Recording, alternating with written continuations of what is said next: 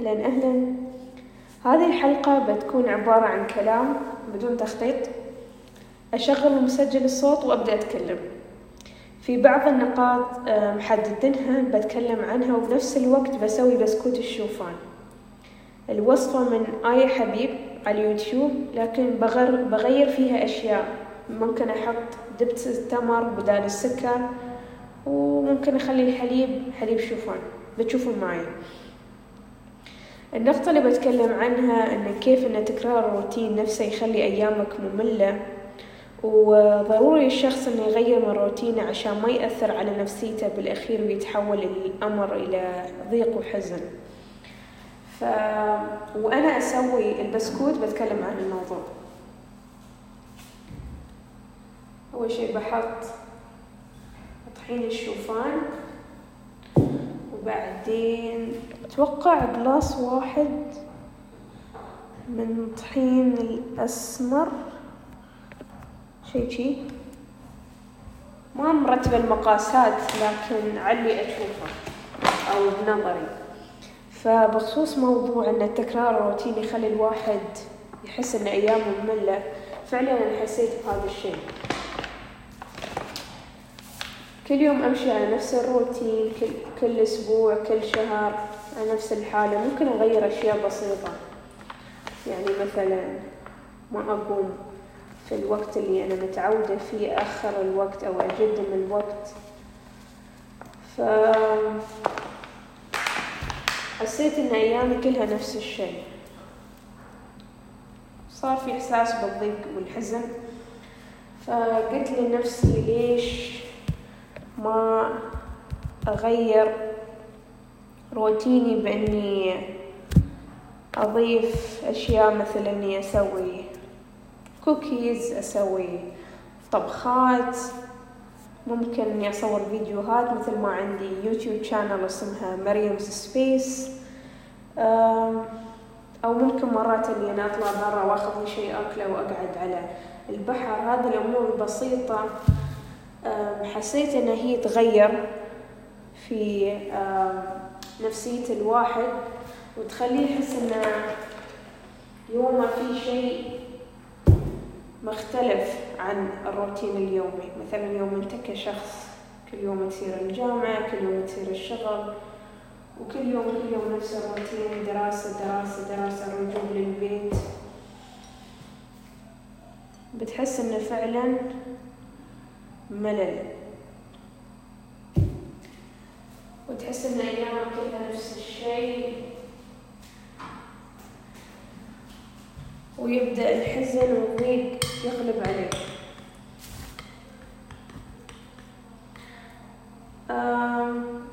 في بعض المرات ممكن إني أستسلم للشيء ويجلب الموضوع إني بس أجلس أطالع. فلوجات الناس وين رايحين. هذا الشيء فعلا يخليك تحس إنه في تغيير. أو تعرف انه مثلا أشخاص معينين وين راحوا وين يوم لكن حقيقة فعلا ما يغذي الملل اللي تحس فيه. ومهما تشوف فلوج إلى الثاني فيديو إلى الثاني ما أحس إنه آه فعلا يحسسك إن في شيء متغير بصفة كبيرة. خاصة في هذه الأيام أيام الشتاء ضروري إن الواحد يطلع.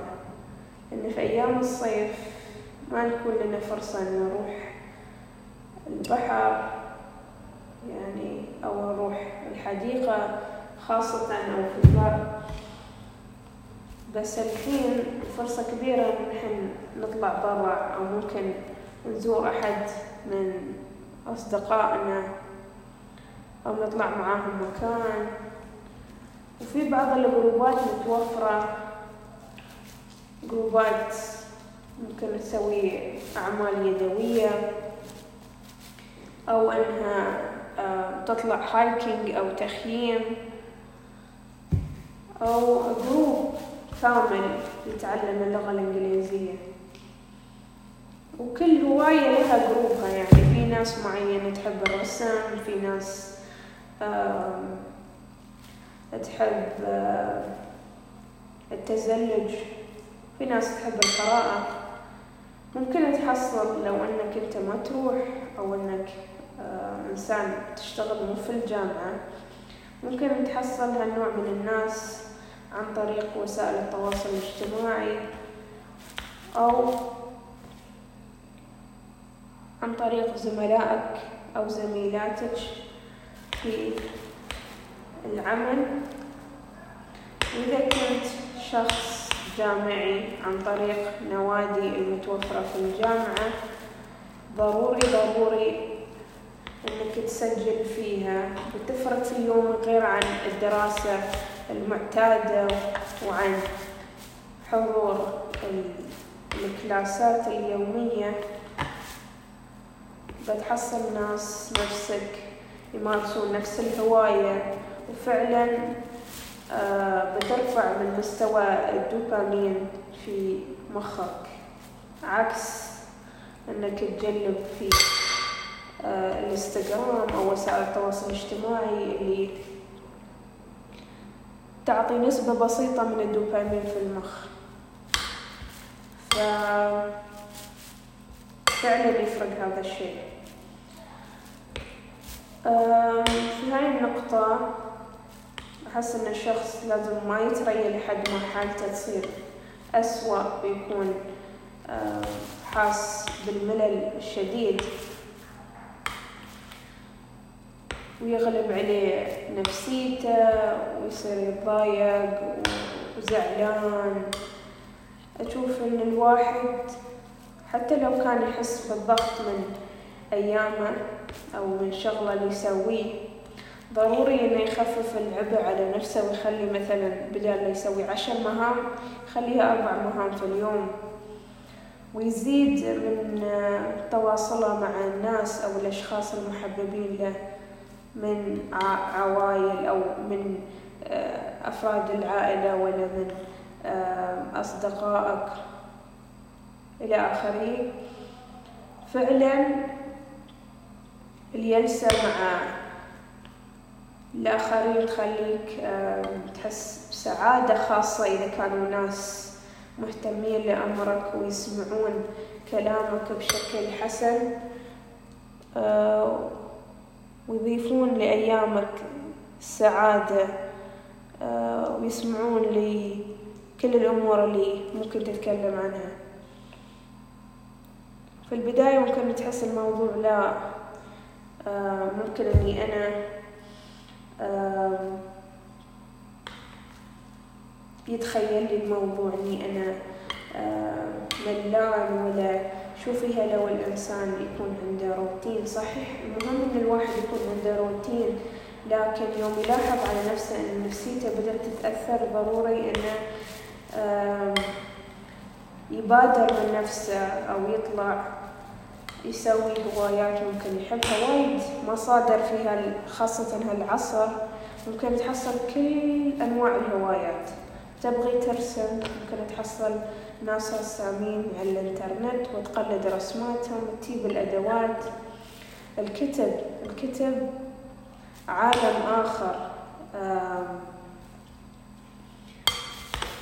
إذا قريت كتاب يعني أو رواية فعلا ممكن تغير من آه، روتينك وتخليك مثلا تتخيل القصة وتعيش مع شخصياتها. النقطة ثانية. إن مرات ممكن نظن إن السعادة هي نفسها ممكن بروحها تيلنا أو نحن ننتظر السعادة بنفسها إن تي وتغير من يومنا أو شخص معين أو فرصة معينة تغير من مزاجنا. لكن العكس أنت بنفسك تقدر تغير يومك بحيث أنه إذا حاس حزن زعلان ممكن تجلس في هذا الجو الحلو في الحوش برا. تسمع بودكاست تشرب كوفي شاي ترسم أيا كان أو تقرأ كتاب معين تشتري لك هدية.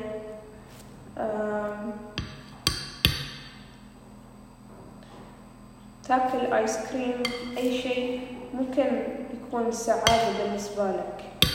فإذا فعلا تبغي تسعد السعادة بإيدك مو بلازم تتريى شخص أو فرصة تجيلك علشان تستانس أو تتريى إنك توصل لهدف معين. اللي تعلمته إن السعادة في المرحلة نفسها أو في البروسس مش في الهدف اللي توصل له. لأن إذا كنت دايما مركز متى راح توصل للهدف راح تعلق حياتك وتعلق سعادتك على هدف معين ما راح تفرح أبدا.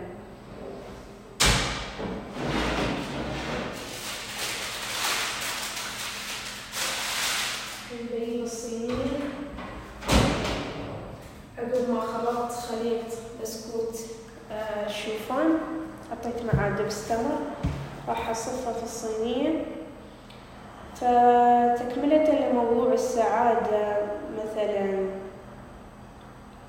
إذا كنت مثلا إنسان جامعي ودائما علقت الموضوع يوم بتخرج بكون سعيد يوم بحصل الوظيفة بكون سعيد يوم بحصل نتيجة الامتحان بكون سعيد.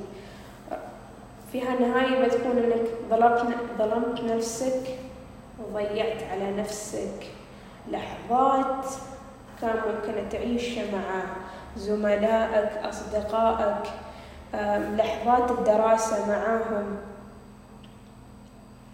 أو التجمع معاهم في النوادي الجامعية أو أيا كان خارج الجامعة. فإنك تعلق نفسك على موضوع هذا راح يضيق يضيق عليك ويضيع فرصة إنك تسعد نفسك. مرات نحن نتريى الوقت المناسب واليوم المناسب عشان نبدأ في شيء. وبالنهاية ما نبدأ فيه. فسمعت مقولة إن أحسن وقت إنك تبدأ في شيء هو اليوم. فعلا. على قصة البودكاست اللي هسه أتكلم فيه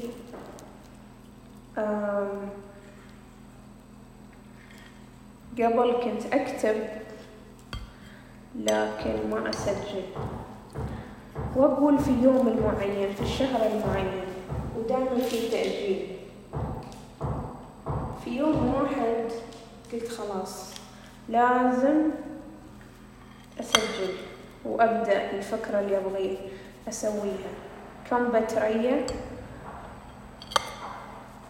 خل أبدأ فيه. وفعلا بديت أتعلم كيف يسوي بودكاست كيف أكتب بداية البودكاست أو الهوك اللي يجذب المستمع والنقاط اللي بتكلم فيها أو الموضوع اللي راح أتكلم فيه. والنقطة الأخيرة اللي أقولها أو ألخص الموضوع قبل لا أنهي البودكاست. في هذا الشيء أقول لنفسي وأقول لأي حد يسمع لا تتريا الفرصة المناسبة لأن عمرها أو اليوم المناسب أو الوقت المناسب لأن عمر الفرصة بنفسها ما راح تجي لازم أنت تروح وراها سواء عندك موهبة الرسم الفرص كثيرة في هالعصر. ممكن تنس... آه، تنشر رسماتك على وسائل التواصل الاجتماعي. عندك موهبة تصوير الفيديوهات. ممكن تنزل فيديوهاتك على اليوتيوب. أو عندك موهبة صنع الأفلام القصيرة. تبدأ فيها. أو كنت كنت طالب أو طالبة تدرس هندسة. وعندها أفكار إنك إنها تخترع اختراع معين. ممكن تتعلم عنه عن طريق الإنترنت صراحة. في هذا العصر نحن محظوظين أي معلومة نبغيها ممكن نطلعها بسهولة عكس ما كانوا قبل. كانوا لازم يدورون مصادر ويدورون في الكتب. علشان يدورون على معلومة. فالفرص متوفرة. تبغي تتعلم لغة ممكن تتعلمها. لازم تحدد متى بتبدأ وكم الكمية اللي راح تدرسها. عندك موهبة الموسيقى. حتى حتى وسائل التواصل الاجتماعي تعتبر مكان إنك ممكن تحصل على ناس تشبهك في نفس المواهب تتشاركون نفس الانترست أو الأشياء اللي تحبونها. في وايد منتديات أو منتديات واقعية بمعناتها انك تروح تشارك فيها مسابقات ممكن تتعرف فيها على ناس عندهم نفس المواهب. حتى في موضوع الصداقة.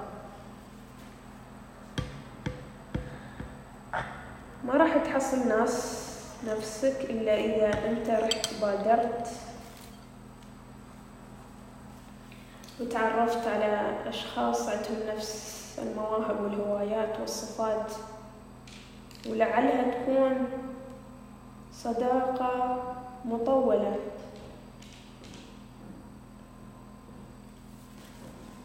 أي شيء تبغيه روح بادر ولا تتريا الفرصة تجيلك. لازم تسعى ورا الشيء علشان تحصله. والجمال في السعي إنك يوم تسعى وتوصل للهدف تحس بسعادة غامرة إنك كل هذا التعب اللي تعبته ينتهي بالهدف اللي تبغيه أو ممكن ما توصل للهدف اللي تبغيه. لأن هذه الحياة فيها فشل وفيها جنا... فيها فشل وفيها نجاح. أيضا أنت كسبان. كسبان في الفشل أكثر عن النجاح. أتذكر هذه المقولة من لقاء أنس بوخش. قال فيها أن يوم أنت تفشل أنت تكون كسبان أكثر. ليش؟ لأنك تعلمت دروس عكس ما أنك يوم تنجح. يوم تفشل تتعلم أمور ودروس كثيرة خلال الرحلة. كل ما تفشل كل ما تتعلم أكثر. شو السبب اللي خلاني أفشل؟ والإنسان في نمو وتطور دايم. ما في شيء دايم على حاله أو يبقى نفس المستوى. حتى إنتاجيتنا خلال اليوم خلال الأسبوع تكون غير. فحتى لو اليوم ما كانت إنتاجيتك نفس أمس هذا عادي لأنك إنسان بالنهاية بشر. طبيعي أنك اليوم ممكن تكون مية بالمية باكر ستين بالمية واللي عقبه ثلاثين بالمية. المهم أنك تتقبل هذا الشيء تتقبل طبيعة نفسك بأنك إنسان ويتعب و هذا هو. فحطيت البسكوت في الصينية. ممكن أضيف عليه شوكلت بس ممكن يكون مو بصحي. بضيف شوكلت على كم من حبة مو كامل عندي ملك شوكلت شيب فبحطه فوقه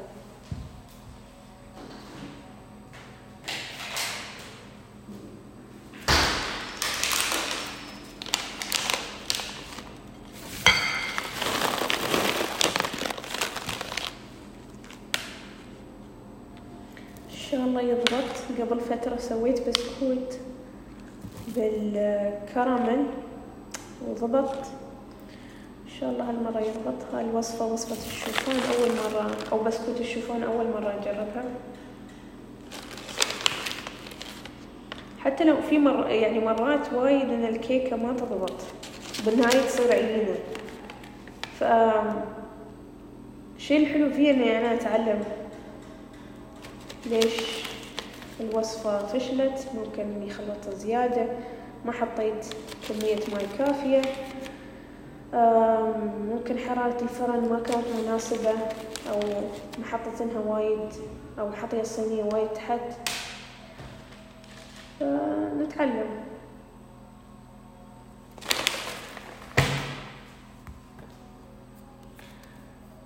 بشغل الفرن وبحط الصينية.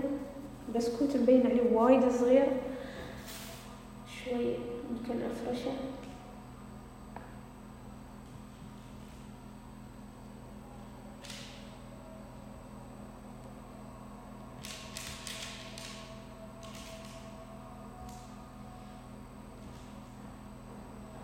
قبل ما كنت أسك... أستخدم الآيس كريم سكوب يوم قمت أستخدمه قامت. كان قام البسكوت يظهر أو يخبز بشكل متساوي.